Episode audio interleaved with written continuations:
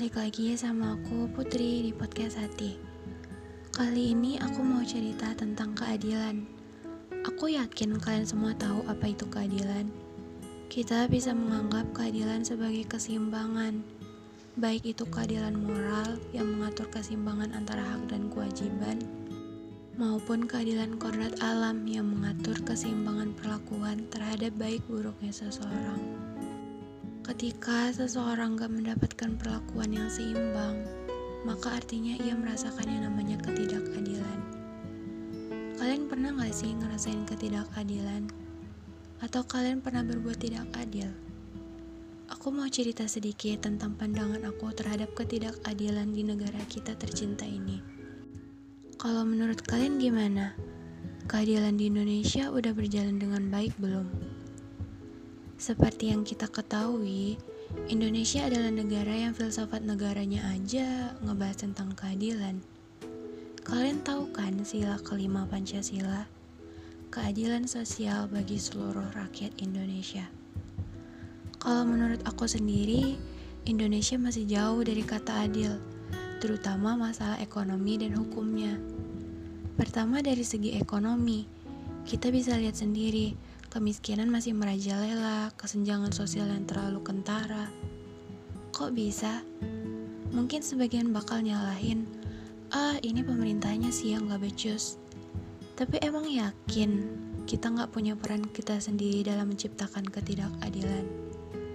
Melakukan hak dan kewajibannya aja belum seimbang. Gimana bisa dibilang sudah menegakkan keadilan?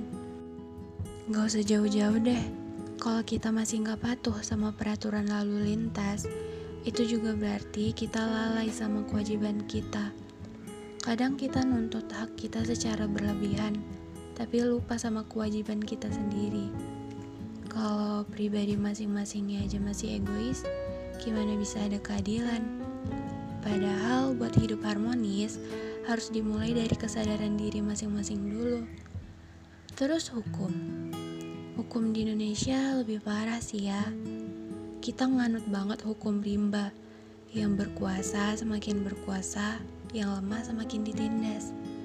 Padahal katanya negara hukum. Padahal di UUD-nya udah jelas tercantum kalau semua orang diberlakukan sama di depan hukum. Tapi emang kalian udah ngerasain adanya keadilan pada hukum di Indonesia? Kalau dilihat-lihat, kita ini masih jauh ya dari kata merdeka. Banyak masyarakat di sekitar kita yang masih dijajah sama negaranya sendiri, sama rakyatnya sendiri. Dengan kita ngabaikan orang-orang yang ngebutuhin di sekitar kita, sama aja kita mengabaikan satu hak kehidupan. Mengabaikan satu hak kehidupan, sama aja kita mengabaikan kewajiban kita. Kalau mengabaikan kewajiban kita, berarti kita nggak adil dong ya. Menolong sesama itu gak mesti butuh duit banyak kok guys. Kalau kita punya harta berlebih, ya kita bisa berbagi materi. Tapi kalau misalnya harta kita pas-pasan, kita bisa kok berbagi dengan doa dan senyuman. Sekecil apa pun itu, asal ikhlas mah pasti dihargai kan ya.